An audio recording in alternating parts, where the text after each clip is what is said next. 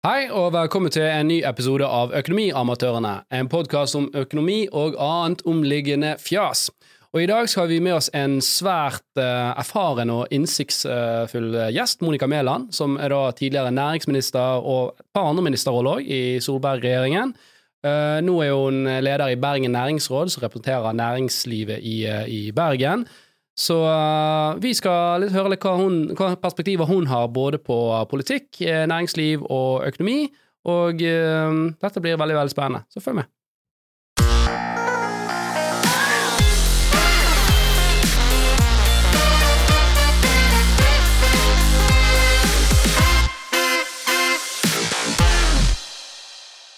Da må vi begynne med å si velkommen, Monica. Tusen takk. Det er jo kjempekult å ha en tidligere næringsminister. Du var vel òg moderniseringsminister, var det det het? Jeg var næringsminister, og så var jeg kommunal- og moderniseringsminister under den store regionreformen og kommunesammenslåingen. Og så var jeg justis- og beredskapsminister. Ja.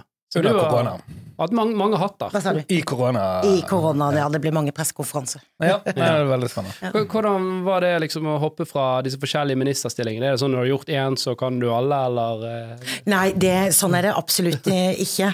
Men eh, så når jeg kom til Næringsdepartementet, så var jo det veldig nytt å komme fra lokalpolitikken. Jeg hadde vært byrådsleder i Bergen i ti år, og kjente jo Bergen og Vestlandet, men da skulle jeg jo gjøre meg kjent med næringslivet i hele landet.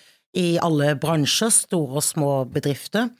Eh, og det var veldig, veldig spennende. Eh, Næringsdepartementet har også ansvaret for maritim politikk og for handelsavtaler, så jeg reiste også mye utenlands.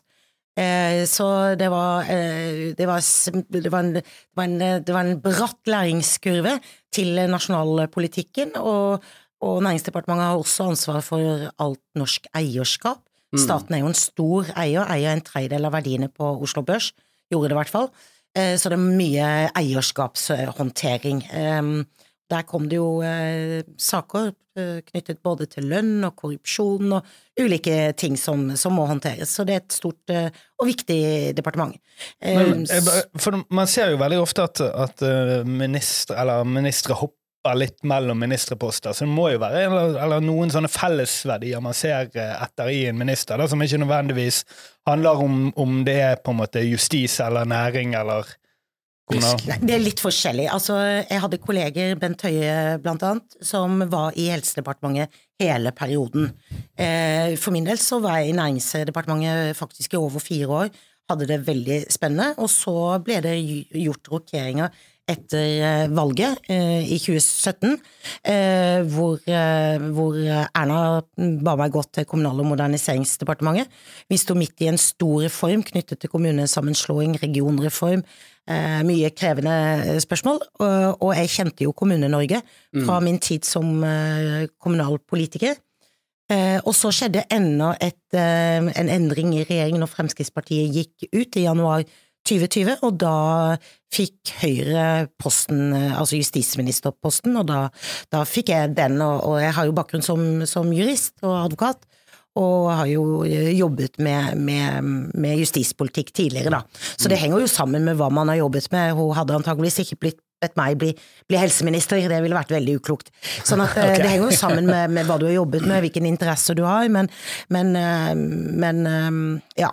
Så, men noen ble på sin lest eh, hele perioden, og andre byttet litt rundt. Og da er det på en måte disse lederegenskapene man eh, har, da, som gjør at man kan flyttes litt rundt, eller, er det, eller må man ha på en måte ditgående bransjekunnskap om disse eh, Nei, nei, man må ikke det, men man må nok ha vært eh, aktiv politisk, og man må kjenne eh, politikken, man må forstå hvordan eh, tingene Det vil i hvert fall være en fordel, vil jeg si. Det er veldig få som hentes rett inn fra gaten, og jeg har jo eh, 40 års partibakgrunn faktisk i år, hvor jeg har vært aktiv i Unge Høyre, i, i studentpolitikken, hvor jeg ble kjent med Erna og, og flere, og, og i partipolitikken ellers. Men nå har jeg da vært på halvannet års eh, avpartipolitisering, Ja. og det har jo vært veldig spennende. Det å ikke være partipolitisk aktiv, det å eh, lese aviser, høre på radio, høre på debatter og, og gjøre seg opp sin egen mening helt utafor den boblen man på en måte lever i når man er i partipolitikken. For er det et krav i forhold til eh, den stillingen du har i Bergens næringsråd? For det skal vel være eh, partipolitisk nøytralt. Ja, vi er partipolitisk nøytral. Så vi, eh, jeg jobber med folk som har vært aktive i Venstre, jeg jobber med eh, folk som står på kommunestyrelisten til Arbeiderpartiet, og jeg leter bevisst etter Og, noen har absolutt ikke vært eh, aktive i partipolitikk. Eh, Så eh, vi skal være nøytral, vi skal fremme medlemmenes interesser. Eh, og det gjør vi, og det syns jeg fungerer veldig bra. Jeg har alltid vært opptatt av næringspolitikk, både når jeg har vært lokalpolitiker og når jeg har vært eh, i regjering. Eh, jeg brenner for de som eh, skaper verdier, de som skaper arbeidsplasser, de som tar risiko, de som tør noe. Og eh, hjertet mitt har bare blødd litt de siste månedene når jeg opplever en debatt som er veldig polarisert, som snakker om de og vi, som snakker om at det er nærmest et problem at næringslivet tjener penger. Jeg opplevde oljeprisfallet i 2014-15 som næringsminister. Det var helt eh, grusomt å reise rundt til bedrifter som ikke ante hvordan de skulle skaffe lønn måneden etterpå, som ikke eh, ja, som drev med nedbemanninger, eh, som, som rett og slett så veldig, veldig svart på fremtiden. Det var veldig, veldig brutalt. Det krevde en enorm omstilling fra veldig mange i norsk næringsliv. Det var en omstilling de greide. Eh, og vi måtte legge til rette på, med, med rammebetingelser, men, men eh, da gleder man seg jo ekstra over bedrifter som går med overskudd. Eh, det er et problem hvis de ikke gjør det. Mm. Og jeg ønsker meg en debatt hvor vi heier på hverandre, det offentlige trenger det private, og vice versa. Ja, det er jo veldig hyggelig for, for oss som som er del av næringslivet. da. Vi, sant, både jeg og Torstein er jo gründere og jobber jo som, som næringsledere. Og, og, og, og, og nå har ikke vi en kjempelang karriere, men, men jeg opplever det som du sier, veldig sånn polariserende. Jeg har ikke opplevd det tidligere i livet mitt, uh, og kanskje ikke jeg følte så mye mer når jeg var student og, sånn på disse tingene, men nå føler jeg det er en ganske sånn stor distanse, og det, det skapes litt sånn ja, steile fronter da, med, med næringslivet og regjeringen, og kanskje til og med med næringsministeren. da. Uh, og det er jo litt sånn rart da, at du har en næringsminister som, som, som har sånne fronter. Uh, så, hva er det liksom, hva, hva, hva er veien ut av dette her, tenker du da? Ja, for det første så eh, tror jeg de frontene er oppstått eh, på bakgrunn av at Norge er ganske forskjellig, og at veldig mye ses fra Oslo, Oslo-redaksjoner. Eh, det er sånn at veldig mange politiske journalister de sitter i sine trygge jobber i Oslo. De har nokså ansiktsløse eiere, og de beskriver et Norge som de egentlig deltar veldig lite i. Vi har ikke Aker Brygge i Bergen, vi har ikke Exit, vi har ikke, vi har ikke den form for, eh, for eh, forskjell på folk. Eh, Langs kysten så jobber vi eh, side om side. Lærlingen snakker med ingeniøren, snakker med direktøren, snakker med eieren. Eh, Så jeg, tror det handler om å forstå hvordan verdiskapningen og bedriftene drives utenfor indre Oslo. Og så handler det jo om en regjering som har ønsket å øke skattene ganske kraftfullt eh, overfor eh, bedriftene, og som argumenterer med at de må være med på en dugnad, de må betale mer. Eh, og det kan man jo godt argumentere med. Det rare er jo eh, eksempel når det gjelder den eh, midlertidige arbeidsgiveravgiften. Den rammer bare privat sektor. Så den rammer altså ikke dommere, leger, professorer. Den rammer ikke offentlig sektor, selv om vi alle vet at staten er søkkrik. Så det er bare de private, de som rammes av økte skatter, de som rammes, rammes av økte strømutgifter, økte renter, økt usikkerhet generelt sett, de skal være med på denne dugnaden. Og det blir ganske ubegripelig for de aller fleste. Og man har også en retorikk hvor man snakker om profitører.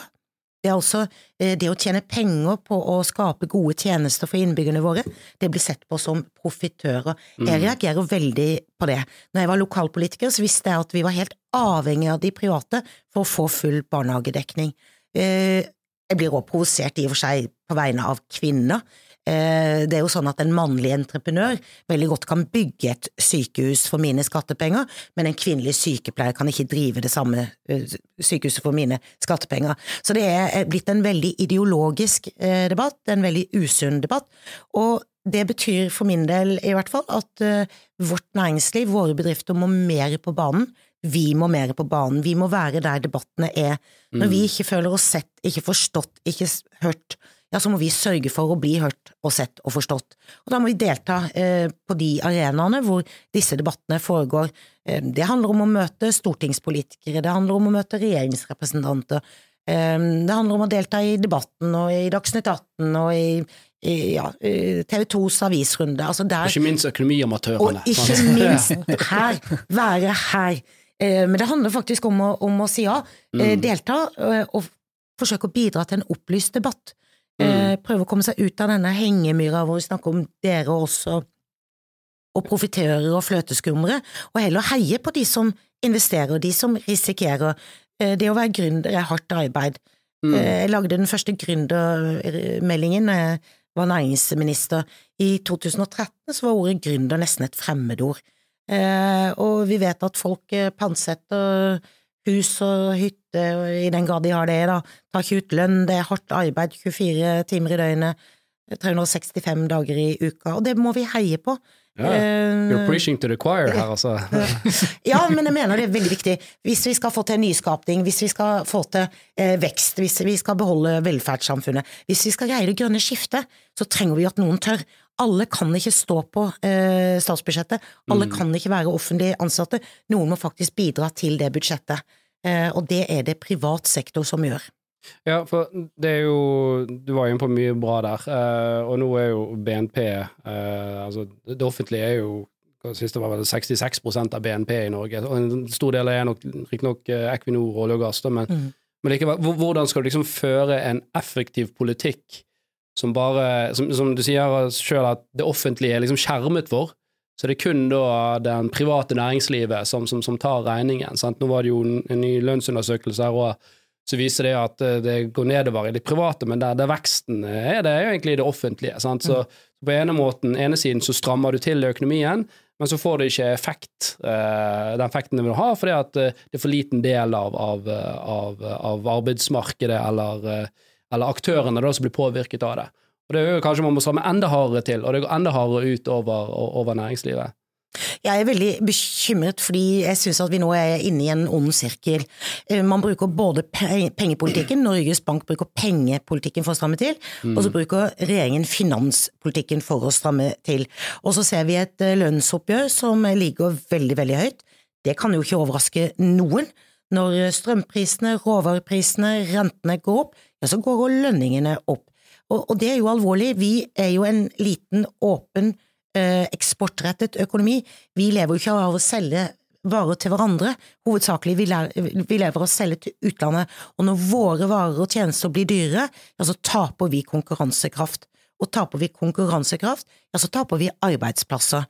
Så dette er veldig alvorlig, eh, i tillegg til at de som får det aller vanskeligst når eh, prisene går opp, rentene går opp, lønningen opp, ja, det er jo de som ikke forhandler lønn, de som har de laveste inntektene, de som har de vanskeligste utgangspunktene. Så det å bli, være lavinntektsgruppe, eh, det å være fattig, det blir enda øh, vanskeligere. Eh, sånn at det er veldig bekymringsfullt å se hvordan, hvordan man liksom, ja, alle skrur til på en sånn måte at det kommer til å få noen konsekvenser knyttet til både, jeg tror, knyttet til arbeidsledighet, knyttet til investeringer. Eh, og det er jo også sånn at eh, jeg er bekymret når jeg hører folk eh, som sier at det er noe vits da, når norske eiere behandles så annerledes enn utenlandske eiere. Det er jo tusen eksempler på bedrifter som står side om side.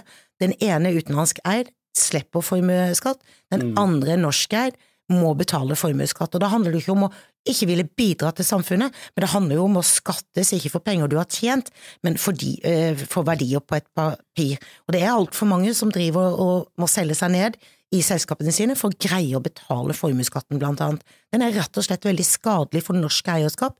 Uh, og det bidrar til mindre norsk eierskap. Så vi er nødt til å ha en politikk for å investere for, for norske eiere, Eh, og ikke en politikk som diskriminerer. Mm. Det, det, kommer, det, kommer, det, kommer, 29 ting her på en gang. Jeg må bare litt grann her. Mesteparten av, av, industrien vår er jo eksport. sant? Mm. Eh, vil ikke denne industrien eh, gavne på en lavere krone? Eh, altså eksportindustrien? Jo, men det blir jo et problem når vår konkurransekraft svekkes, og det kommer den til å gjøre når innsatsfaktorene For det første så har vi en del kritiske det var veldig vanskelig å si helt edru, innsatsfaktorer eh, som, som, vårt næringsliv har problemer med å få fatt i, de må betale en høyere pris. Mm. Eh, og det er klart, må man betale en høyere pris, så øker òg prisen eh, på våre varer og tjenester. Og, og når vi mm. konkurrerer ute, ja, så svekker det vår konkurranseevne. Og så kan man jo si at eh, reiselivet er jo de som kan glede seg nå over at utlendinger kommer til Norge og, ferierer, men vi ser ikke noen store endringer faktisk, eh, i andelen reisende som kommer til Norge. Mm. Um, Litt flere svensker enn tidligere? Ikke? Ja, det er mulig. det har jeg ikke sett. Uh, men jeg så, jeg så, ganske få endringer på reiseliv på vår siste undersøkelse. Det skyldes nok at endringen i fjor var veldig stor. Fra pandemi til ikke-pandemi så var det veldig stor endring, og da blir forskjell fra i fjor til i år mindre. Mm. Ok, så det er at når du når, eh, når eh, Holdt jeg på å si Når uh, selskaper tjener mer på bakgrunn av lavere lønnskostnader, men høyere eksportpriser, så slår jo det ut på kjøpekraften til arbeidstakerne, da. Altså, det er jo slik at norsk industri nå har forhandlet frem et lønnsoppgjør på 5,2% og det betyr jo at prisene på det som selges ut av norsk industri, og det selges jo ut av Norge, det må økes. Fordi det er jo ikke bare lønningen som har økt, det er jo rentene, det er jo strømprisene, det er mm. råvareprisene. Så alt i alt så vil jo norske varer og tjenester bli dyrere, og de mm. vi konkurrerer med, de har ikke den samme prisøkningen. Da vil vi tape i konkurransen med utlandet. Eh, og det vil jo gå utover norske arbeidsplasser, norske investeringer, og det er skadelig. Mm. Hva tenker du om Du nevnte jo litt den her midlertidige eh, arbeidsgiveravgiften. Sant? Så, er det jo et gammelt ordtak som sier at ingenting er så permanent som en midlertidig skatt. I hvert fall er det sånn hjemme hos oss når det gjelder oppussing. Yes. Så, uh, og, og, og vi, uh, vi, er jo en av de som er kritiske til det. For det, er klart, skal du ha flinke folk da, som er høyt utdannet, som har lang erfaring, så, så er det folk som, som koster penger. Sant? Og den teknologikompetansen da, så mange bedrifter trenger Tekna hadde null søks på dette, det er mangel på dette i, i Norge. Mm. Uh, de insentiverer jo ikke selskapet heller til å ville bygge opp det i Norge, men heller da f.eks. bygge opp en avdeling i, om det er i Litauen eller andre, andre steder. da.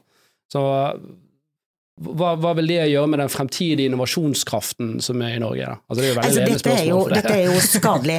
Dette, ja. dette rammer jo eh, de gruppene de kaller høytlønte. Det, det, handler jo de med god utdannelse, da. Høye kvalifikasjoner, eh, veldig ofte. Eh, så, og, og, det er jo veldig provoserende Men ikke legene og de som jobber i det private? Nettopp. Det er jo veldig provoserende hvis man sier at det er høytlønte i privat sektor, men ikke i offentlig sektor. Mm. Og så sier de jo at det er en dugnad. Nei, det er ingen dugnad. Det er ensidig skatt på det private næringsliv. Jeg skulle ikke sagt noe, jeg tror ikke bedriftene våre hadde reagert heller, hvis man sa at her skal det offentlige og private delta. Eh, Men hvordan, hvordan, er det det eh, treffer kun det private? Bare, bare for uh, det, det offentlige får refundert utgiftene. Ja, riktig. Okay. Så det treffer ikke. Ja. Ja. Så universitetet, sykehusene, ingen andre må betale for eh, Og de har veldig mange som tjener over 750 000. Mm. Eh, det er bare de private. Så det er, ekstra, det er en ekstra skatt Eh, på de som har ansatt folk med høy utdanning, høy kompetanse. Mm. Og det er jo stikk i strid med det vi trenger. Så har vi fått ny, eh, et nytt skatteregime, grunnrenteskatt, eh, en kraftskatt, som flytter penger fra kysten til staten. Flytter penger fra kraftselskapene og investeringsmulighetene. Vi trenger mye ny grønn energi for å skape det nye grønne arbeidslivet, men det svekker altså selskapenes kraftselskapenes evne til å investere i eh, nye og bedre nettforbindelser, blant annet. Mm. Eh, så du har på en rekke områder så har du altså eh, Vi har nye innleieregler som rammer alle bransjer i hele landet, unntatt helse og eh, jordbruk. Eh, helse og jordbruk, der sier regjeringen at det vil ikke fungere innenfor helsesektoren og jordbrukssektoren. Mm. Det er jo mildt sagt provoserende. Men det fungerer jo heller ikke innenfor andre Jordbrukssektoren er jo privat, men der fungerer det ikke. Ja. Nei, det vet jeg jo veldig godt. Under pandemien så var det jo de som trengte dispensasjoner eh, for å få inn arbeidstakere, midlertidig arbeidskraft hele tiden. Og da skjønner man ikke at dette, eh, dette trenger eh, verftene våre. Dette trenger bygg og anlegg. Det er jo ikke sånn at et, et, et båtverft har, har bestillinger, like mye bestillinger hele tiden. Det går i bølger. Eh, så dette treffer eh, våre, våre bedrifter eh, innenfor alle bransjer. Næringslivet er for mange sesongbetont. Reiselivet er sesongbetont. De har ikke like mye gjester, kanskje like mange ansatte hele året. Så, det, er, på en rekke områder kommet, kommet, regler knyttet og, og skatter og avgifter som forverrer rammebetingelsene. Og, og, det vi ser på våre spørreundersøkelser hos våre 3200 eh, medlemmer, det er at eh, når vi spør eh, våre medlemmer hva er den viktigste saken akkurat nå, så pleier det å være enten formuesskatt eller en annen skatt eller et samferdselsprosjekt. Nå svarte tre av fire at vi trenger forutsigbarhet. Mm. Det er mangel på forutsigbarhet i en situasjon hvor alt blir dyrere, du treffes av nye eh, og økte regninger, samtidig som du treffes av nye beslutninger som forverrer rammebetingelsene. Og det er veldig alvorlig. Det høres ut som du liksom, eh, i hvert fall ut fra det jeg hører du sier så er det liksom generelt sett imot eh, skatt av privat næringsliv. Er det Nei, nei, Eller er det det at det har gått for langt? Det, altså, det, eh, nei. Eh, Grunnrenteskatt, for eksempel. Vi er jo veldig for uh, beskatning av, av oljesokkel grunnrenteskatt er jo også fellesarealer osv. Ja, men uh, det er jo sånn at uh, oppdrett betaler uh, arealavgift og produksjonsavgift. De betaler for å bruke arealene, men det å påstå at den fisken de putter i, eller smolten de putter i merdene er din fisk, det er vel å ta litt hardt i. Det er investeringer de selv gjør. Og så er jo spørsmålet hvordan man gjør dette, og det som er oppsiktsvekkende med denne type skatt, det er jo at de innfører skatten uten å fortelle innholdet av den. Så mm. ingen bedrifter innenfor denne sektoren vet hva skatteregningen neste år blir. Det er det forutsigbarheten i det. De har vedtatt den med tilbakevirkende kraft uten å fortelle innholdet. Sånn kan du faktisk ikke holde på. Dette er vår nest største eksportnæring. Man må faktisk ha forutsigbarhet. Mm. Og det skapes arbeidsplasser over hele landet. Oppdrettsbedriftene våre skaper lokale arbeidsplasser. Eh, de er kjempeviktige for mange kystsamfunn. Eh, og olje og gassen ligger jo faktisk der ute og hentes ut da, på vegne av fellesskapet. Det gjør ikke oppdrettsfisken. Eh, og det som er interessant, det er selvfølgelig at den fisken som ligger der ute, den er ikke nå med i dette regnestykket. De får ikke grunnrenteskatt. Den mm. fisken som hentes opp. Det kommer jo bare til å være et spørsmål om tid. De kommer til å leite etter nye områder å skattlegge. Eh, sånn det ser ut nå, i hvert fall. Jeg mener at eh, vi skal skattlegges på en ordentlig måte. Jeg oppfatter næringslivet mer enn eh, vil betale sin andel av skatten, men det må være på penger du har tjent, og det må være på like vilkår. Og hvis du eier en bedrift, eh, og er bosatt i Storbritannia, eier en bedrift her, i denne etasjen, og jeg gjør det, og bosatt her, ja, så har jeg et helt annet skatteregime enn det du har. Mm. Og sånn kan vi ikke ha det. Mm. Eh, det er ikke bra, eh, fordi det bidrar til at du vil investere, Eh, i Norge, mens jeg ikke vil det. Er dette Monica Mæland, Bergen næringsråd imot formuesskatt, eller er det òg Høyre? For eh, vi har hørt at Høyre tidligere gikk jo bort mot i valg på å si at den skal vekk eller kraftig reduseres, og så leverte ikke de akkurat på det. Nå virker det som Høyre og Erna sitter veldig stille i båten, og de kan uttale seg om denne arbeidsgiveravgiften, men de vegrer seg litt for å snakke for mye om formuesskatten, som jeg gjerne skulle ønske at de gjerne uttalte litt mer om. da, og ja, jeg skulle også ønske at de snakket mer om formuesskatt. Jeg snakker på vegne av medlemmene våre. Mm. Eh, og det handler rett og slett om at eh, det er en skatt som ikke treffer lommeboka. Den treffer ikke på de pengene du har tjent, men på penger du kan komme til å tjene en eller annen gang inn i fremtiden. Mm. Eh, og den treffer deg i en periode hvor du faktisk trenger å investere, du trenger å vokse. Ja, sånn at eh, ja, for, for, når jeg ser det der, så har jo alle bedrifter sagt ja, men herregud, sett opp eh, liksom eh, eh altså resultatskatten, holdt jeg på å si. Altså, mm. den Tjener vi penger, Utbytte. så skal vi skatte mer. Mm. Uh, utbytteskatten sett, og den utbytteskatten har jo satt, satt opp, så den er jo ganske høy nå, egentlig, til, til tross for at du ikke får opparbeidet trygdeytelser for den, så du får mm. med lønning. Sant? Mm. Så den effektive skatten nå er vel over 51 eh, på, på, på norske næringsliv, altså høyere, høyere, enn det du får som, som, som privatperson. Og så er jo eh, mye av argumentasjonen her er jo eh, at man skatter altså Disse her rikingene de har så masse verdier som eh, fellesskapet ikke får tak i. Sant? Men mye av det er jo altså, fiktive verdier på ene siden. Men så er det jo òg eh, liksom bekymringsfullt når du ser at nå snakker de om å fjerne denne fritaksmetoden, da, som gjør at hvis du eier et selskap, og så selger det selskap eh, et annet selskap, så kan du reallokere de pengene, for du tar ikke det ut til deg privat, men du kan reallokere de til et nytt prosjekt og skape flere arbeidsplasser. Så vi må begynne å rokke med den, og det er jo både LO har uttalt det, og SV og Rødt har vel vært inn på det. Og det virker sånn har de liksom, skjønner ikke de hvilke konsekvenser det ville hatt for næringslivet hvis du hadde fjernet den regelen. Du hadde jo fått betraktelig mye mindre investeringer i nye prosjekter og, og, og, bedrifter. Nei, jeg tror ikke alle forstår det, og jeg tror at noen tror at uh, vi, vi, kan uh, leve uh, av å være offentlig ansatte alle sammen. Altså litt satt på spissen, da. Og sånn er det jo ikke. Og derfor er det viktig for meg å understreke at vi skal alle, vi skal alle bidra til fellesskapet. Vi skal bidra til velferdsstaten, og vi har en veldig god velferdsstat. Men det må være forutsigbart, og det må være fundert på penger som tjenes, ikke på eh, tenkte verdier. Og så må man likebehandle norske og utenlandske eiere. Ja, det må stå et internasjonalt perspektiv. Eh, rett og slett, ja. Eh, fordi eh, hvis ikke, så kommer folk til å eh, la være å investere, og det vil være veldig skadelig. Mm. Eh, og, og, jeg tenker òg at eh, det mangler en sånn eh, heia på, på, de som tar risiko, for det å ta risiko betyr jo at mange taper mye penger.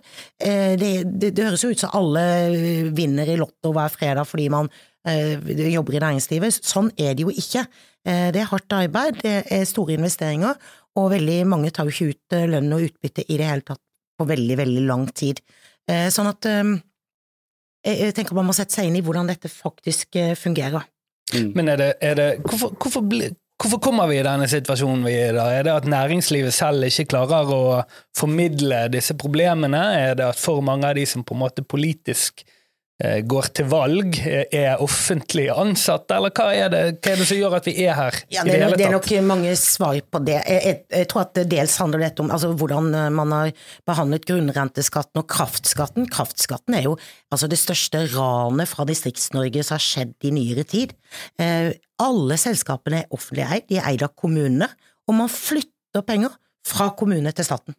Kan du forklare litt, gå litt i dybden på ja, det? Ja. Eviny Eveny er jo et selskap som er eid av kommunene her. Statkraft er jo, er jo 49% nei 51% og så eier jo kommunene her, med Bergen som den største, resten. Det er offentlig eid selskap. Når staten gjør en skatteendring, massiv skatteendring, og henter ut, jeg skal være forsiktig med tallet, 2,5 milliard i år, eh, fordi de trenger penger, ja, så fratar jo det penger fra kommunene som eier, som skulle fått utbytte fra Eveny, og det fratar Eveny muskler til å investere her i et bedre nett. Og her på Vestlandet så sier vi nei til nye virksomheter nå fordi vi mangler kraft. Eh, vi har for dårlig kraftoverføring, og vi mangler ny kraft.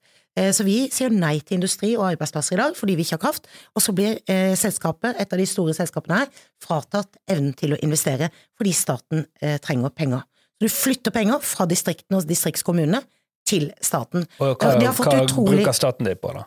Ja, De bruker det jo på statsbudsjettet. Ja, okay, det, er det, de, det, er jo det som er finanspolitikken nå. Det er å stramme til. Det er å øke skattene uh, på, på, ulike områder uh, overfor næringslivet. Uh, og sånn sett, sånn sett, stramme til finanspolitikken. Det er jo det de har argumentert med. Og det har fått ganske liten oppmerksomhet, syns jeg, denne overføringen fra distriktene til staten. Eh, som, som, som, er veldig alvorlig. Det samme gjelder jo grunnrente, det er jo bare en ny måte å hente inn penger på. Mm. Eh, det ble lagt frem en NOU i 2019. Eh, man kom frem til et forlik hvordan man skulle behandle oppdrettsselskapene. Eh, det innesto alle for, helt til eh, statsbudsjettet ble lagt frem, og hvor de som sitter i regjering har snudd. og det gjør man. det gjør Norge veldig uforutsigbar, og eh, vi mistet 50 milliarder på børsen i løpet av et døgn. Det er jo, eh, du, du har jo noen konkrete eksempler på, på dette her òg. Vi på Vestlandet her, en veldig kjent strekning er jo Bergen-Voss, som har vært mye rasutsatt og mye ulykkeutsatt. Så det har vært sånn evigvarende prosjekter på å forbedre den, og det har vel brukt mye penger på det så langt òg, men det liksom kommer aldri noen vei. Sant? Og så er jo argumentasjonen for det at ja, men det, det Oslo-folket de, de, bryr seg ikke om det, og det der liksom makteliten sitter per i dag.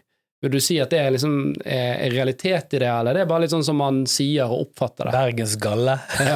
Nei, jeg oppfatter jo at uh, verden sett med uh, Eh, politiske redaksjoners øyne ses mye fra Oslo. Eh, og jeg syns at, at, de typer skatter jeg har snakket om nå, forteller det veldig godt. Samferdselssektoren er òg et godt eksempel. Bergen-Voss. Du kan ta at E39 mellom eh, Stord og Bergen nå, mm. så er det mest samfunnsøkonomisk lønnsomme prosjektet i NTP. Og vi trenger det for å binde våre landsdeler sammen, for å gi vårt næringsliv samme konkurransebetingelser som det man har i andre land vi konkurrerer med, hvor de ikke har ras, hvor de ikke har eh, kolonnekjøring hele døgnet, hele uken, for det er jo det ferge medfører, det er kolonnekjøring. Mm. Eh, men det er klart at eh, hvis, du, hvis, du, stort sett beveger deg i Oslo-gryta, så har du ikke de utfordringene. Du kjører på E6 eller E18 mot Sverige, og så har du fire- og seksfelts veier. Eh, og da har du Jeg skjønner ikke hvorfor de vestlendinger driver og syter sånn på at folk blir tatt av rast. Vi har jo andre ramme, rammebetingelser. Eh, så må vi nok takke oss sjøl litt, da. Vi må være i stand til å prioritere, vi òg. Vi må gå i samlet flokk. Vi må kreve vår andel eh, av nasjonalbudsjettet. Og der har vi brukt altfor mye tid på å krangle og altfor lite tid til å prioritere. Det, man ser jo òg, altså bare her i, internt i Bergen og Bybanen over Bryggen og disse diskusjonene sant, som går i altså, vi, som ikke politisk, vi, vi, ser jo bare på utsiden og tenker bare hva, hva er dette for klovneri, da? Man, mm. det er jo det man egentlig tenker. Så, så hva er det Har det alltid vært sånn? Du har jo vært aktiv siden 90-tallet. Jeg har alltid vært Nei, nei, nei, nei, du har vært aktiv politisk siden 90-tallet. Liksom, var det så voldsomt? Ja, ja. Det har vært Bybanen har vært en For å si det sånn, jeg var veldig vant til demonstrasjonstog utenfor rådhuset i Bergen når vi hadde bystyremøter, og det har vært store debatter knyttet til, til særlig Bybanen, men, men generell. Generell baner. Ja, men jeg bare tenker sånn, generell, liksom, disse prosessene, at, de tar, at man ikke blir enige, at det tar liksom ti år å utrede ja, noe. Vi har nok vært kjent for, for, det her i Bergen, å være lite flink til å lande ting. Bruke mm. fryktelig mye tid på å krangle og diskutere, og ikke prioritere. Ja. Syns du Men hvis du tar en annen parallell, da. Uh, fra liksom, tidlig i din karriere til nå, syns du at det er en større grad av symbolpolitikk som som, som styrer eh, liksom, hverdagen. At det er sånn Man må snakke så høyt, for det er så mye støy, at de som skriker liksom spisset om én sak, det er de som vinner. Eller føler du at det alltid har vært sånn? Jeg tror ikke det. Jeg tror vi ser det sånn fordi vi lever nå. Eh, okay. Så tror jeg egentlig Altså Eh, jeg, jeg, tror eh, det har, det har gått eh, det har, Debatten har gått høyt på ulike tema. Kjøkkenreformen husker jeg, en voldsom debatt i Bergen i sin tid. Kjøkkenreformen? Ja, skulle man ha kjøkken på sykehjemmene eller ikke? Okay. Skulle man bringe sak kjøkken inn fra sånne storkjøkken og Spennende. Hvor endte det? det, har, det har vært mange Det, det, er er bare fille ting. Det har vært knyttet til byutvikling, altså ja. Eh, men, eh, men eh, også syns jo jeg at jeg er glad for å bo i en by hvor folk engasjerer seg, da. Men det er jo viktig å lande ting og gå videre. Mm. Og bybanedebatten er jo blitt nei, nesten litt sånn mm. absurd. Ja, og der er jo, Du nevnte litt om din karriere og de forskjellige ministerrollene, og, og sånn som jeg har forstått og hørt og, og kjent, og så er jo du kjent som en som klarer å få ting gjennom og få ting til, da. Og det er litt grunn til at du har fått denne tilliten, for Erna har blitt flyttet litt til liksom kanskje de litt vanskelige områdene, da. Uh, så, så, det blir jo veldig spennende å se uh, hva du skal gjøre nå, for du er ganske fersk i stillingen nå på Bergen næringsråd. Ja, det er jeg. Når det gjelder det jeg har gjort, så, så er jeg jo redd for at uh, mye krefter nå begynner på å reversere noe av det vi gjorde. Troms og Finnmark skal jo splittes opp og eh, flere fylker skal splittes opp, flere kommuner skal splittes opp. Eh, vi innførte en domstolsreform som skal splittes opp, en politireform som eh, man skal reversere. Så, så, dessverre så er jo mye av de beslutningene som er tatt, de, de bruker man nå tid på å reversere. Det syns jeg nok er noe nytt. At man på nasjonalt plan bruker utrolig mye tid og krefter, penger og ressurser på å skru klokka tilbake, i stedet for å gå fremover. Det syns jeg nok er veldig uheldig. Men hvis disse nå reverseres og la oss si Høyre kommer til makten igjen, ville da man brukt ytterligere tid på å få de innført igjen. Ja, da tror jeg jeg må henvise deg til, til, til, Erna og hennes ja, kolleger. Eh, altså, vi gjennomførte jo de reformene ikke fordi de var gøy, men fordi det var nødvendig. Eh, Norge har en veldig stor offentlig sektor, og det å forstå nødvendigheten av at også den bidrar til endring, til innovasjon, til nytenkning, eh, til effektivisering. Det mener jeg er helt nødvendig. Vi ser jo nå mange kommuner som sliter med å få tak i helsepersonell, ingeniører, Eh, barnevern. Eh, og det er klart, har du større eh, arbeids har du arbeidsplasser med flere ansatte med mer kompetanse, det er mer spennende, ja, så tiltrekker du deg òg lettere arbeidskraft, så alt henger jo sammen. Mm. Men uh, hva Erna skal gjøre, det skal hun få lov å svare. Når det gjelder Bergen næringsråd, så begynte jeg 2. januar, og jeg, det har gått fryktelig fort. Uh, men, For du er helt løsrivd fra Høyre? Ja, det, det er jeg. Jeg har betalt medlemsavgiften, jeg har nok det. Ja. Uh, men, men, jeg er ikke aktiv i partipolitikken. og Eh, og det, jeg skal snakke medlemmene sin sak, og det syns jeg er veldig enkelt. Vi har medlemmer som gir tydelig beskjed på hva de mener og hva de ikke mener, og jeg syns at det er klare meldinger som vi, vi, skal forholde oss til, og som vi, vi jobber med. Mm. Kan jeg bare uh, raskt spørre, hva er den største forskjellen med å jobbe direkte par, uh, partipolitisk og jobbe partipolitisk helt nøytralt? Ja, det er litt sånn Det er jo to verdener, da. Eh, altså, når du på en måte Eh, når du bestyrer et departement, så bestyrer du jo gjennomføringen av en politikk, av en mm. plattform, av saker som du på en måte har vedtatt.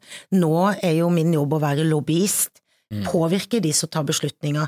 Eh, så det er forskjell på å sitte og ta beslutningene og gjennomføre de, og det å påvirke de som tar beslutningene. Men det er jo, på den annen side så er det jo, opplever jeg jo at Bergen næringsråd er den viktigste politiske aktøren i Bergensregionen utenfor partipolitikken. Eh, og vi samarbeider med kommune og fylke, vi samarbeider med kulturliv og organisasjonsliv, med LO og NHO, eh, for å fremme saker så viktige for våre medlemmer. Og det, det, det, det syns jeg er en veldig, eh, ja, det er veldig meningsfullt jobb å ha. Mm. Jeg kaller meg lobbyist for Vestlandet. Ja. Ja. Um, du snakket litt om at uh, altså, offentlig sektor er jo skjermet for en del av de skattene og avgifter som er, og en annen ting som de er skjermet for, er jo egentlig markedskonkurranse. Uh, og de som tror på det frie markedet, så er jo det en viktig sånn mekanisme, for du, skiller på en måte ut de som ikke, ikke klarer å prestere, og så får du liksom de som er veldig flinke. Så du, du får bedre tjenester, du får mer effektive tjenester fordi det er konkurranse.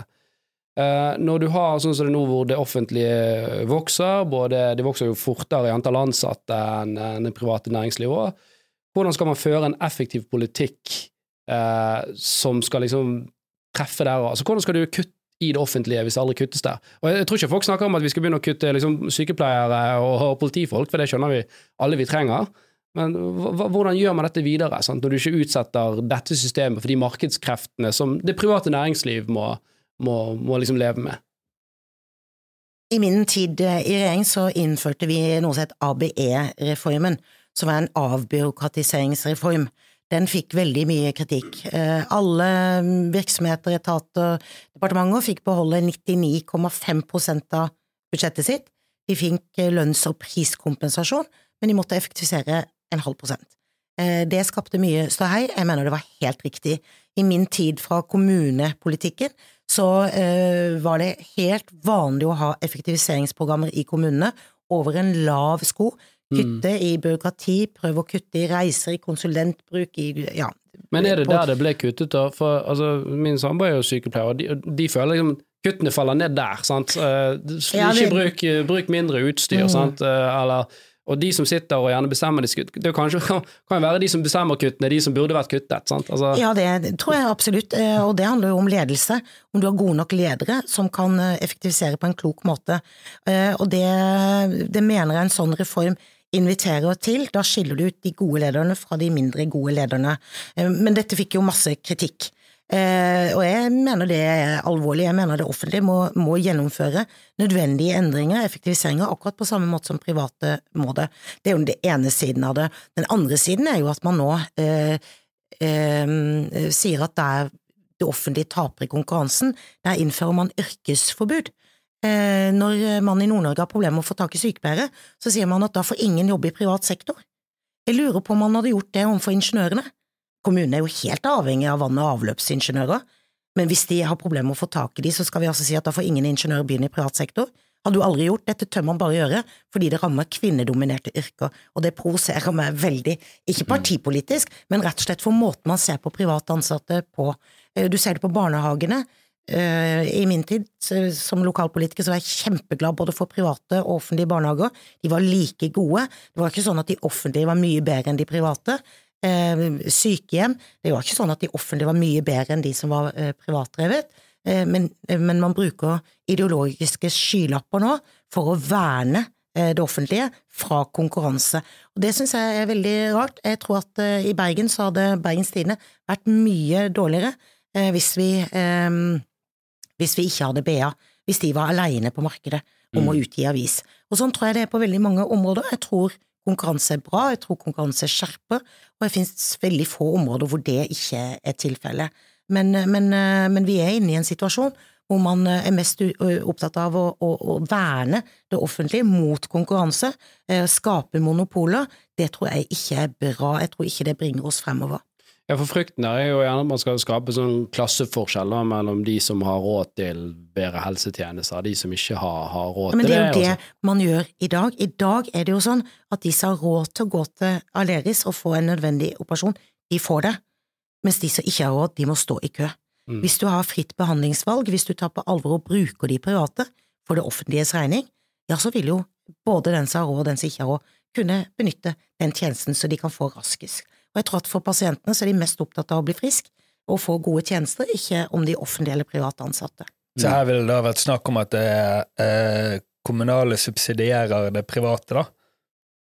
altså for å eh, Det vil være snakk om at det offentlige har ansvaret for å betale regningen, eh, og frem til nyttår så var det jo fritt behandlingsvalg. Du kunne altså velge å få behandling der det var ledig kapasitet. Det valget er nå borte. Eh, Det, det har man tatt bort. Jeg mener det er veldig skadelig, eh, fordi det betyr at du blir stående lenger i kø, med mindre du har råd til å betale deg ut av den køen. Mm. Så her ville man rett og slett bare som eh, kommunal og privat sektor sagt at vi, vi, vi har ledig kapasitet, og så vil det offentlige betale for det. Altså, jeg, når når jeg var i lokalpolitikken, så ønsket vi konkurranse innenfor det som heter praktisk bistand i hjemmet. Hjemmehjelp helt det i gamle dager. Min mor var hjemmehjelp. Um, og når vi skulle gjøre det, når vi skulle si til de som trengte denne tjenesten at du kan velge sjøl hvem du får eh, tjenesten av, eh, og så skal kommunen betale, for du har rett på den tjenesten eh, hvis du eh, ja, hvis, du, hvis legen din og, og helsetilstanden tilsier det, så har du rett på den tjenesten. Eh, Så forskjellen er bare at du skal sjøl kunne velge hvem som kommer hjem til deg og, og utfører den jobben. Det første vi måtte gjøre da, var jo å skjerpe den offentlige tjenesten. For hvis den skulle være i stand til å konkurrere, Ja. så måtte man vite når eh, hjemmehjelpen kom, om de kom, at de gjorde jobb. Altså, ikke sant? Vi måtte Mm. faktisk ha en god offentlig tjeneste som kunne konkurrere, med den private. Mm. Det, det valgfriheten er nå tatt bort. Det er bare det offentlige som skal komme hjem til deg. Jeg tror ikke det er bra for meg som enkeltperson eller deg. Jeg tror det er bra at vi skal kunne velge, og jeg tror at det er bra at du har flere aktører. Og så skaper det innovasjoner, det skaper eh, mer eh, eierskap på private hender innenfor områder som er eh, eh, sterkt kvinnedominert. Og jeg gjentar det litt, eh, det hører dere sikkert, og det er fordi at jeg syns veldig mange snakker om at flere kvinner burde eie og lede og alt det der, men de samme som snakker om det, de gjør det vanskeligere og vanskeligere på de sektorene hvor kvinner faktisk eh, er de sterkeste og de fleste. Men tror du det er bevisst at man, eh, at man på en måte monopoliserer områder hvor kvinner er eh, Hvor det er veldig høy andel med kvinner? Det høres jo Nei, sånn konspiratorisk ut. Nei da, eh, jeg tror ikke det er bevisst eh, fordi det handler om kvinner, det er bevisst fordi det handler om velferd. Eh, Og det rare er at mens vi syns det er helt greit at, eh, at eh, allmennlegen, som den mannlige allmennlegen er privat, så kan altså ikke sykepleieren, i hvert fall ikke i Bodø, hvor man mangler sykepleiere, være privat. Så jeg tror det handler om, om hvordan man ser på velferdstjenester, Ja. eh, men det er jo på den sektoren kvinner er størst og flest. Mm. Så for min del eh, så, så mener jeg at, eh, at man har dratt teppet under en del av samfunnslivet, hvor kvinner kunne eid mer, ledet mer eh, og gjort mye mer i Ja, butikk. for det er en bransje som de Altså, det, det er jo bare naturlig altså, det, er bare sånn at det er flere menn som velger å bli ingeniører, og Ja. flere kvinner som ja, velger å bli det. sant? kjønnsdelt marked. Ja, ja, men uh, veldig sånn egalitært, sant. Og, og, og, og det er jo naturlig at det er flere mannlige gründere som lager ingeniørselskaper, men den, den, eh, den sektoren hvor kvinnene liksom regjerer i, der er det ikke lov Nei. å gjøre det. Sant? Det er det som er Der, poenget der, der, Ja. der har vi ideologiske skylapper, eller noen har det, og sier at det er bare det offentlige.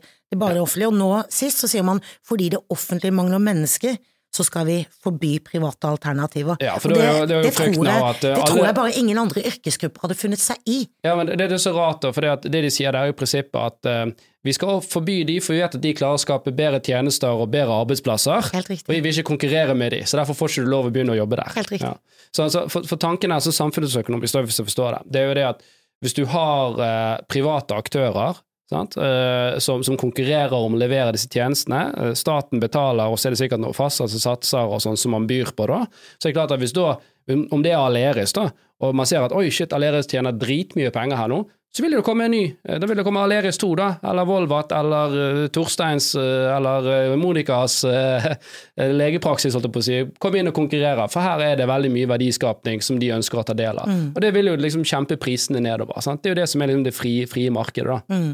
Uh, men den har jo man ikke nå. Nå, er det liksom, nå får bare det, det, det, det offentlige liksom holde på i sin lille boble, og så kan den boblen bare vokse og vokse. Ja, spørsmålet er får du bedre tjenester, får du mer innovasjon, mer effektivisering av det?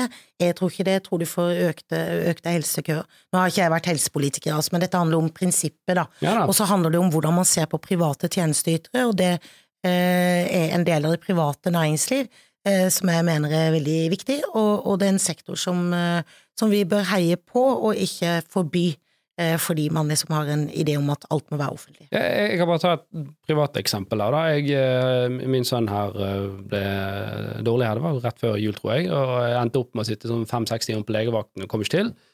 Eh, ringte do doktor Drop-In. Eh, 350 kroner, eh, kvarter samtale, og fikk svar på det jeg trengte. Og liksom kunne gå tilbake og, og, og jobbe, da. Sant? Og hvis man nå skal forby altså, Det er jo bare for en sånn privat aktør som har kommet med en innovativ løsning som kan ta unna en del av disse her eh, hvor eh, Det er mange ganger du er inne hos legen, og han tar jo aldri på det engang. Han bare ser og snakker med deg, og så skjønner han å ja, her, ja, ta Paracet og ring meg om tre dager hvis det er verre. Og, og, um, og det er jo den innovasjonen man gjerne får eh, ved å ha flere aktører som kan produsere. Sant? Hvis du hadde hatt Monikas helseleveranse, så skulle du kanskje finne opp en ny måte som gjorde at du kunne betjene pasienter raskere eller bedre. Eller whatever. Vi har fått et nytt medlem som driver med mobil optikertjeneste. Det er jo genialt. Norge er jo langstrakt. Mm. Det bor eh, folk eh, i hele landet vårt, heldigvis for det. Eh, Alle bor ikke i en by med kollektivløsninger eller med bil. Eh, Noen bor på landet og rundt omkring. Det å ha mobilbasert optikertilbud er jo helt fantastisk. Hva er et optiker? Optiker, eh, Optiker, briller, ja, ja, sjekket synet ditt. Eh, Og veldig mange har behov for å sjekke synet, og så har de behov for å få vite om de skal ha briller eller hva de skal ha. Og noen har skaffet seg mobil optikertjeneste. Jeg syns det er helt genialt. Eh, Men du kan jo risikere at hvis noen sier at nei, vi har problemer med å skaffe optikere i, i, i Distrikts-Norge, så får vi forby den eh, private, da. For de blir ikke flere optikere av det. Mm. Det vil jo være veldig dumt. Nå har man ikke gjort det, altså bare for å understreke det. Men, men det blir liksom sånn absurd. I stedet for å heie på nye innovative løsninger, Dr. Drop-in eller, eller mobilt optikertilbud eller mobilt sykepleiertilbud. Hvorfor ikke hvor, altså, Er det et problem? Det er jo ikke det hvis det skaper bedre tjenester eh, for den det gjelder. Da mener jeg det er veldig bra. Nå ble det mye politikk her, Jeg altså. ble, jeg ble men det- plutselig sittende og tenke hvorfor, hvorfor kommer ikke folk seg til? Men, men, Nei, men hvis du bor ganske usentralt, og du kanskje er dårlig til beins, og du har ikke bil, så må det være helt genialt Ja, at den kan stoppe utenfor porten din. Ja. Og så kan du bestille time, og så står bilen der, og så får du det tilbudet. Mm. Akkurat som du kan få varer kjøpt hjem til deg. ja, Mm. det er kjempe, er kjempespennende hvis det er et marked for det. Ja, hvis det er det. Og det er nok eh, Det er jo mange steder i landet som ikke har det tilbudet vi har i byene. Mm. Mm. Eh, Vi må jo litt litt innenfor disse her stakkars skatteflyktningene våre som har flyttet til Sveits. Eh, Det påvirker vel også næringslivet, eh, vil jeg tro. Det er jo Stakkars skatteflyktninger. Ja, det var litt eh, Men, men eh, det har jo vært at de ultrariktige begynte, og nå er jo mediedekningen mer og mer at liksom folk med lavere formuer og kanskje bare høy inntekt begynner å vurdere å, flytte på seg. Eh, og dette er jo flere konsekvenser. For en er at du minst har entreprenører og verdiskapere, men det er klart at når de flytter mest og mest av sine formuer, så er de mer interessert i å investere i det som er nærliggende rundt seg, sant? og investerer gjerne mindre i, i, i Norge. Hva tenker du liksom skal til for å snu denne trenden? Er det bare det å fjerne formuesskatten, og så er det full fart? Det vet jeg ikke. Jeg tror noen av de har fått en omtale som er såpass uh, tøff at eh, jeg er ikke sikker på om de har lyst til å komme hjem igjen. Eh, så kan du si at jeg, jeg, har, jeg har ikke Altså, det er jo ikke synd på de som har masse penger. eh, og, og flytter ut. De får jo bare flytte ut og ta pengene sine med, og så får de ja, Men, får de bo der de vil. men det er nye med exit-skatten og disse her tingene, men- men altså at man burer liksom folk inn? Ja, ja og, det, og, det, og det er klart at det, det, er jo, det er jo et sykdomstegn, da, eh, når folk begynner å flytte ut. Det er et sykdomstegn eh, når folk sier 'jeg vet ikke om det er noe vits lenger'. Eh, og, det- bekymrer meg mer når folk med innovasjonskraft, med gründerkraft, eh, sier at 'jeg vet ikke om det er noe vits'. Eh, fordi at eh, det kommer ikke til å gå uansett, og det er så vanskelig og, sånn. Da handler det om rammebetingelser. Det handler om forutsigbarhet. Og jeg skulle ønske at eh, eh, at vi fikk en større grad av dialog med hva skal til for å få folk til å investere, få folk til å bli, eh, i stedet for bare å, å snakke om de og oss. Eh, mange av de som har flyttet ut, kommer sikkert ikke tilbake, og hvis noen gjør det, så er det bra.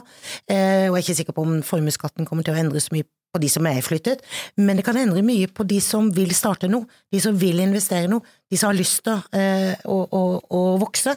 Eh, forhindre at de flytter. Eh, og det mener jeg er en felles oppgave som vi har. Ja, for når vi snakker veldig mye om, om, om disse her, så er det sånn Retorikken, særlig fra gjerne SV og Rødt, er jo at du har kommet her og så har du bygget store verdier på våre naturressurser. sant? Eh, Det er jo veldig mye henvist til, til liksom disse lakseformuene, da. oppdrettsformuene. Men det er klart at det er jo veldig mye annet som, som skjer av innovasjon som ikke består av at Norge har noen naturressurser noen har utnyttet. sant? Teknologiselskaper. altså Man manifesterer ting ut av ingenting. Sant? Man sitter her og jobber eh, en gjeng med smarte hoder og prøver å skape et nytt produkt som markedet ikke har sett. Mm. Og, og, og da føles det litt sånn retorikken fra SV ja, men det er kun fordi dere bor i Norge at dere har vært så heldige at dere har klart å skape noe. Det er jo litt sånn uheldig. sant? Man, begynner liksom, man, man dyrker ikke disse heltene lenger som går ut og skaper noe. Det er mer sånn at du er nesten litt skurkete hvis du har klart å dra til noe. Ja. For åpenbart så er jo dette kun fordi at du bor i Norge, og her er det så fantastisk, så dette bør jo fordeles til alle. Ja, ja det, er, sånn det er jo i beste fall veldig kunnskapsløst. Da. Det er jo nok å dra til naboland eller til Silicon Valley, så møter du jo folk som er supersmarte og som har eh, etablert eh, fantastiske bedrifter. Så mange av de som skaper noe i Norge, gjør det jo på tross av rammebetingelsene, ikke på grunn av de. Eh, Det kan jo være lettere for veldig mange kloke hoder å reise ut og skape noe, enn å få det til hjemme, dessverre. Eh, Så det er jo kunnskapsløshet. Eh, Og igjen så håper jeg vi kommer bort fra dere og oss. Vi trenger hverandre. Vi trenger de beste utdanningsinstitusjonene. Det koster penger. De pengene må vi være betale, villige til å betale eh, i form av skatter og avgifter så er høyere enn det mange andre land er. Fordi vi har en skole for alle, vi har et helsevesen for alle, vi har velferdstjenester for alle. Men vi må jo ha forutsigbarhet, og det må ikke, sånn at, det må ikke være sånn at vi, vi inviterer folk til å flytte ut for å skape noe. Eller å flytte ut eh, for å eh, skape arbeidsplasser. Vi må jo eh, ønske at folk gjør det her hjemme. Og vi har jo lange tradisjoner, særlig langs kysten som jeg kjenner godt, for at det skapes eh, og investeres, og de som eh, skaper arbeidsplasser, de investerer veldig ofte også i idrettslader. Det var da vanskelig å si det òg. Idrettslaget, i biblioteket, i rundkjøringen, eh, i, i, i lokalet der du bor. Eh, sånn at det er liksom ikke det er ikke de og oss, det er vi. Vi Mm. skaper samfunn, og vi bor i hele Norge, og vi utvikler hele Norge. Og i stedet for å heie på de som skaper arbeidsplasser og verdier, og, og, og betaler skatt og, og til fellesskapet, så, så, så gjør du ditt nærmeste motstandere til fiender, Mm. eh, og, og skal hente enda mer skatter ut. Og så forstår du ikke at det eh, in the end fører til at folk ikke ønsker å investere. Ønsker ikke å ta risiko, ønsker ikke å bli her. Mm. Um, jeg mener vi er ikke der nå, men, men vi har sett en veldig ugrei eh, utvikling, og vi er nødt til å snu den Ja. eh, og forklare hvordan dette er. Og jeg tror at uh, altfor mange politikere kan altfor lite om næringslivet. Reiser for lite rundt, besøker for få bedrifter, og i hvert fall få norskeide bedrifter eh, i hele landet. Så eh, snur man han med å på en måte eh, i høyere grad formidle arbeidslivets eh, holdt på å si, eh, problemstillinger, eller må man ha et nytt parti, eller må man ha mindre karrierepolitikere? Hva vil du tenke er det ene, eh, det enkeltstående viktigste grepet for å, for å endre det? nå? For det er så enkelt å si at dette er masse. Kunnskap. Jeg, jeg synes at alle stortingsrepresentantene skulle ha- måtte utplasseres i det private næringsliv. Eh, noen uker i år, noen uker i året. Mm. Eh, og så kan man si at og så burde man også vært eh, utplassert i offentlig sektor noen uker i året. Det handler om kunnskap på begge sider, det handler om å forstå hverandre, forstå rammebetingelsene. Mm. Jeg, jeg kan ikke skjønne at man kan forsvare en midlertidig arbeidsavgift som bare rammer privat sektor. Mm. Jeg kan ikke forstå at det er greit. Eh, Hvordan forsvares den, da? Fra, liksom, fra ja, de den som er, innført? jo, den er jo innført av, av et flertall på Stortinget, da. Ja, ja, altså, men hva er argumentene for at det for... Nei, det må du spørre de om. Jeg har De har ikke uttalt det? jeg har Du har vel jeg, jeg, hørt? sa- jeg savner Ja, jeg har hørt at det skal være en dugnad, at det skal være midlertidig, at nå må alle bidra. Eh, Jeg har ikke forstått hvorfor ikke det offentlige skal bidra. Ok. Eh, Men, og jeg syns at eh, redaksjonene, eh, mediehusene, har vært altfor lite flinke til å, å, å sette dette eh, på agendaen. Men, men, Grunnrenteskatten har vært masse men, men hvorfor skal alle bidra? Altså, Norge vasser jo i penger nå. Hvorfor Ja. skal alle bidra? Hvorfor skal Hva er det vi skal bidra til? Vi vasser jo i penger. Ta ned handlingsrommet, oljepengebruken i statsbudsjettet. Man bruker heller distriktenes penger heller enn en oljefondets penger. Eh, og det er å stramme inn finanspolitikken, det er jo det de argumenterer med. Mm.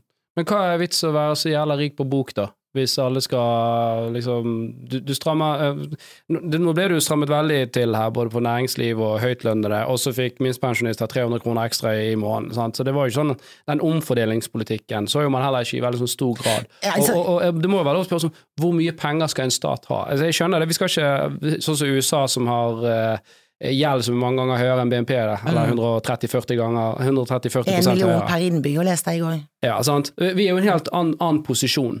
Sant? Så hvorfor kan vi liksom ikke heller Og alle vet jo dette som driver uh, næring, det er at du må investere for at du skal kaste av seg. Sant? Det, det er noe som heter å spare seg fant. Sant? Hvis du begynner å kutte og liksom du skal dra ut og, og, og liksom tømme alle blodårer, sant? så til slutt så, så, så, så går det ikke lenger. Så er, hvorfor kan ikke vi bruke litt mer av disse oljepengene da for å legge til rette? Eh, Argumentet som brukes fra finansministeren og fra regjeringen og fra Norges Bank, det, det er jo at de skal kjøle ned økonomien, skal ned aktiviteten. Realit- det skjer jo kun i det private. I realiteten betyr det jo at du skal opp arbeidsledigheten. Ja. Opp antallet konkurser, det er jo det man i realiteten eh, sier. Eh, man skal ned prisstigningen.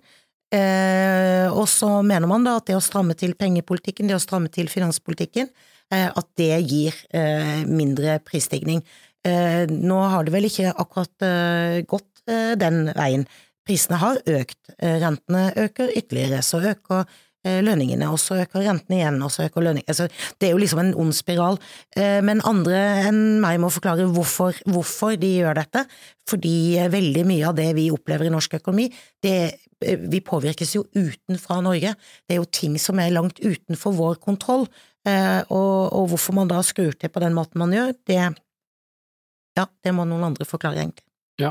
Ok, jeg har en ting til som jeg har lyst til å gå litt inn. For det, at, eh, det er jo veldig mye fokus på disse høytlønnene, og Stortinget har jo sjøl vært litt i hardt vær her med etterlønninger og, og, og litt forskjellig.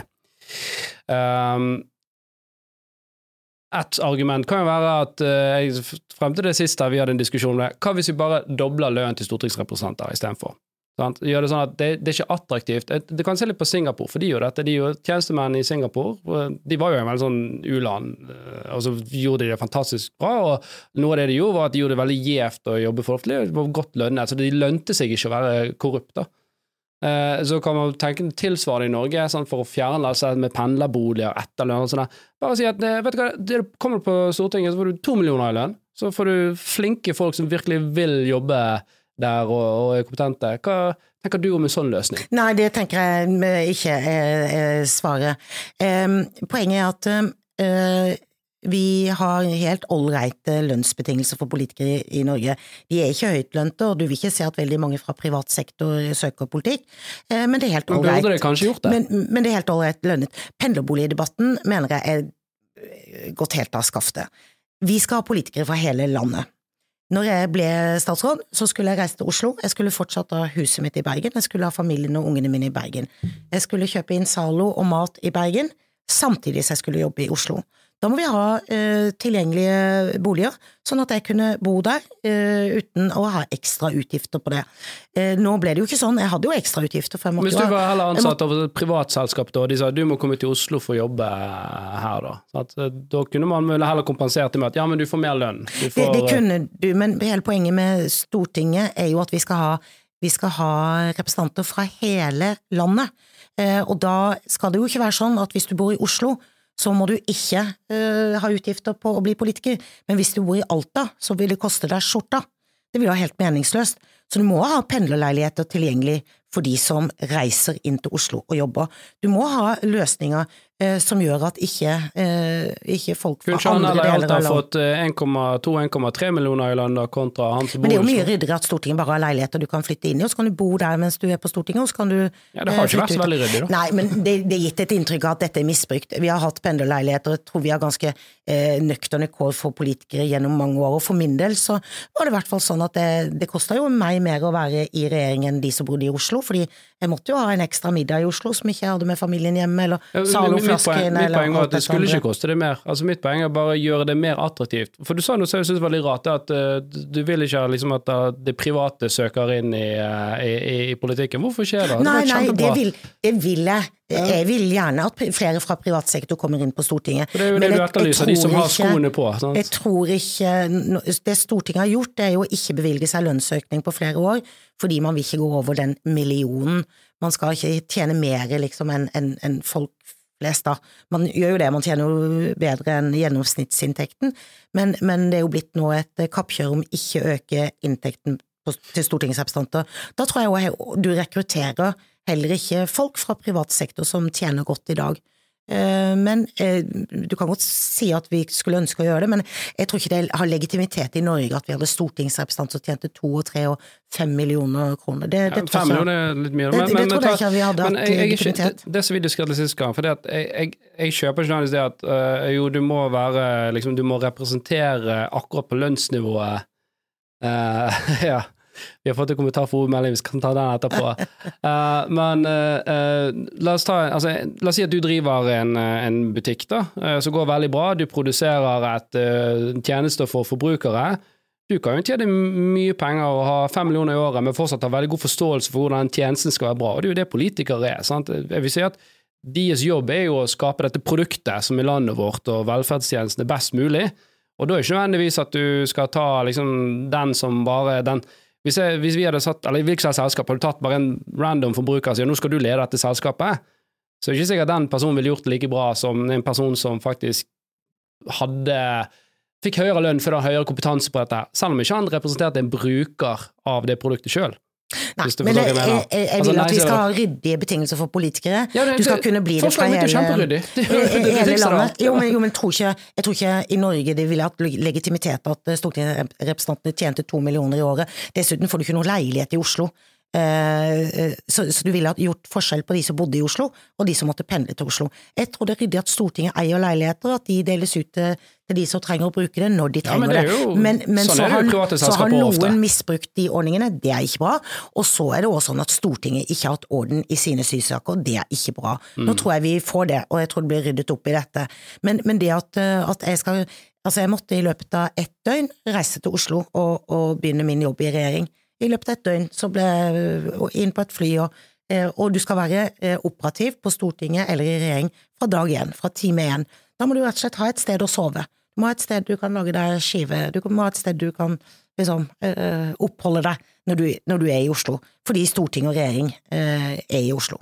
Ja da, det, det forstår jo. Sånn er det jo i, i privatselskaper. Jeg hadde bekjente som fortalte at det var søsteren som ble ansatt i et internasjonalt selskap, og det var sånn du styrer ikke med flyttingen, vi får folk til det, du bare kommer ned her og begynner å, å, å, å jobbe. Mm. Så det er, jo, det er jo sånn i privat òg, da. Ja, eller privat sektor har det i mye større grad. Poenget mitt er at uh, med å øke, liksom, gjøre det mer attraktivt å bli stortingspolitiker, kanskje vi hadde fått et bedre pol da, enn eh, bare de som er karrierepolitikere eller veldig sånn ideologisk eh, drevet. da. For Jeg tror jo det er litt av problemet nå, at man har veldig mye sånn ideologi som ikke har hatt skoene på, da, eh, som skal sitte og bestemme hvordan ting skal utarte seg. Jeg tror det er to forskjellige ting. Jeg tror det er veldig bra at vi har politikere som er ideologisk, fordi politikk handler om ideologi. Det handler om eh, Ja, ja, hvilke tro du har. du, du, du har på samfunnsutviklingen. Eh, så vil jeg nok være enig med deg at det er en fordel med politikere som har vært ute, som, har, som vet hvordan verden fungerer, som eh, har prøvd seg på ulike Jeg har for min del sittet i kassa, jeg har vasket brakker, jeg har vært hjemmehjelp, jeg, har eh, jobbet som advokat, jeg har eh, ja, gjort forskjellige ting før jeg, fordi jeg studerte og alltid jobbet ved siden av studiene. Så det å, det å på en måte både ha vært yrkesaktiv, innenfor ulike av livets områder eh, med å være politiker. Det, det, men det har jo de fleste. De fleste har jo eh, vært i jobb og har, eh, har, unger, og de opplever syke pårørende. Ikke sant? Altså, du, du, du, lever et liv, du mister noen, du, du går i barnehagen, du handler middag. Altså, du, lever jo et liv også som politiker. Eh, du er jo liksom ikke helt avsondra. Men vi rekrutterer nok ganske skeivt, og det tror jeg ikke det er noe enkel løsning på. Nei, vi, vi, vi, har jo hatt uh, Are, sløseriombudsmann, her tidligere òg, og han er jo veldig gøy å følge. Ja. Um, og det er klart at Du må jo rive litt i håret når du leser sånn som dette Stovner bad, da, som skulle koste 300 millioner og være ferdig i 2022, og nå er det prisen 1,5 milliard og ferdig i 2027. Hadde det vært et privat selskap, så hadde jo styret sagt for lengst at her har det vært for dårlig ledelse. Her, her, må vi, no, Noen må gå. Uh, burde dette skje mer innenfor politikken, tenker du? Ja, innenfor offentlig sektor eh, mm. mener jeg det. Ja, jeg mener at eh, vi har nok av vei- og baneprosjekter, sykehusbygg, liksom sånn, Oi, ups, det var dumt, og så ja. Jeg mener vi i altfor liten grad ansvarliggjør både styre og ledelse i en del eh, offentlige selskaper når ting ikke går bra nok. Jeg er enig. Ja. Da skal vi se her, Ove, du har lest spørsmålet, vil du ta det? Dette er jo da din far som har sett et spørsmål. Tidligere podkastgjest. Ja, jeg kan godt, kan godt ta det. Uh, ja, det er jo nå uh, er jo dette her uh, en kommentar til en, en, debatt som var for 900 timer siden. Så nå, Monica, er du unyansert. Det er ingen som sier at vi ikke trenger folk som skaper noe. Uenigheter er in, uenighetene er innretningen eh, på skatten. Høyre styrte Norge i åtte år, og fjernet ikke formuesskatten. Hvorfor? Det var rett og slett ikke flertall på Stortinget for det, eh, men eh, når Høyre satt i regjering, så senket de selskapsskatten, slik at den skulle bli konkurranse få en innretning til liks med de vi konkurrerer med. Den gikk fra 28 til 22% og så gjorde man en god del annet, blant annet på gründer- og opsjonsbeskatning. Så det ble gjort en del. Formuesskatten eh, ble ikke senket så mye som Høyre hadde planlagt, men det er fordi at Men dere innførte jo en verdirabatt, da? Ja, på... ja, så gjorde vi, vi gjorde det òg dyrere å eie eiendom, og det var jo et forsøk på å på en måte redusere formuesskatten noe på det som er arbeidende kapital, og øke den opp på, på sekundær. Eh, eh, eiendom. Så, um, men um, Men eh, jeg er ikke i tvil om at det Høyre er satt i regjering med, ønsket å redusere formuesskatten mer, men det vi ser i dag er jo ikke noe ønske om å redusere skatten, det er jo tvert imot nå en jakt på nye skatteområder, nye skatter og avgifter, eh, som, som flytter, eh, flytter, penger fra distriktene, fra arbeidsplasser, eh, og til statsbudsjettet. Mm. Ja, så når man, når man, ikke fikk eh, Eller når man ikke fjernet den, så ble det ikke intern enighet eh, om Nei, det, altså, selv om det ble formidlet i forkant? Høyre har nok eh, fortsatt på sitt program at de kommer til å jobbe for å få ned formuesskatten. Det har vel også Fremskrittspartiet og Venstre, men i litt forskjellige former. Så, så, så her er det rett og slett en uenighet. Jeg mener innretning på formuesskatten slik den er i dag, er veldig uheldig, og jeg vet jo fordi Eh, jeg besøker og har besøkt eh, bedrifter som ligger side om side. Eh, Ulsteinvik, godt eksempel. Rolls-Royce i det ene bygget, Ulstein i det andre. Rolls-Royce betalte ikke formuesskatt, Ulstein gjorde det, men de betalte òg i idrettslaget, i biblioteket og i rundkjøringen. Mm. Eh, og sånn burde mm. vi ikke ha det. Det blir en litt sånn unyansert debatt for nåværende næringsminister kan si at ja, men det går jo kjempebra i liksom, næringslivet, men da liksom, du har Equinor, da. sånn, så bare over Altså, og en oljepris, og nå er oljeprisen riktignok mye lavere, da, men, men det føler jeg jo mangler litt de nyansene her i debatten. At man sier at næringslivet går bra. Jo, mm. den ene sektoren hvor vi bare pumper penger, sant, og av energikrise, den går kjempebra. Men ja, jeg vil i hvert fall si vi har et problem når det gjelder nye grønne arbeidsplasser, fordi vi mangler kraft. Vi mangler òg investeringsvilje. Eh, eller vilje og evne, eh, gitt de rammebetingelsene vi har. Så mangler vi forutsigbarhet, som gjør at flere eh, kan ta risiko, kan investere og tenke langsiktig. Og så mangler vi vekstevne i en del gründerselskaper, rett og slett fordi at økt Altså, skal du vokse, så trenger du penger. Og når du vokser, så øker verdien på selskapet ditt, og øker verdien på selskapet ditt, så øker også formuesskatten, enten du har tatt ut lønn eller du ikke har gjort det. Mm. Uh, og det, det, det, går rett og slett ikke rundt. Mm. Det har vi mange eksempler på. Ja, og du sa jo litt at dere må jo være til stede i debatten, og, og, Vestre, nåværende næringsminister, har jo uttalt dette i debatten flere ganger, at hvis du hadde fjernet formuesskatten, så hadde du hatt 25 000 nullskattytere i Norge. Uh, men det er jo ikke sånn at det er bare 25 000 som betaler den, det er jo 650 000 som betaler formuesskatt i Norge, så det er jo hver femte nordmann bortimot, som, hver voksne i hvert fall, som, som, som betaler denne her. Og én kunne man da heller hatt en skatt som var tilpasset de, og så er vel òg grunnen til han nevner de 25 000, er vel disse som før utbytteskatt ble innført, tok ut store utbytter og lånte tilbake igjen og, og sakte drar ut i middelet, og det vil jo ikke vedvare for alltid. Den Strategien er jo snart tom. Jeg, jeg, kjenner veldig få, jeg kjenner ingen, som ikke mener at eh, alle som kan skal betale skatt. Det er utgangspunktet for oss alle. Vi skal bidra. Vi skal mm. bidra etter evne, og vi, og vi skal ha forutsigbarhet, og vi skal ha eh, en skatt som ikke diskriminerer norsk eierskap. Mm. Det har vi ikke i dag, og da må vi finne modeller som løser dette.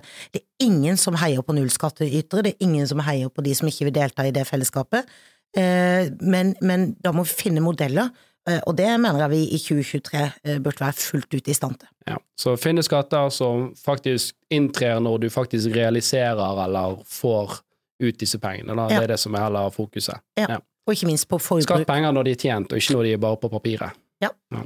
Uh, veldig bra. Vi skal begynne å runde av her. Uh, kanskje du bare deler sånn, dine tanker om fremtiden for norsk økonomi, og hva du tenker vil være de viktigste driverne uh, som vi må fokusere på nå for å få fart i skuten?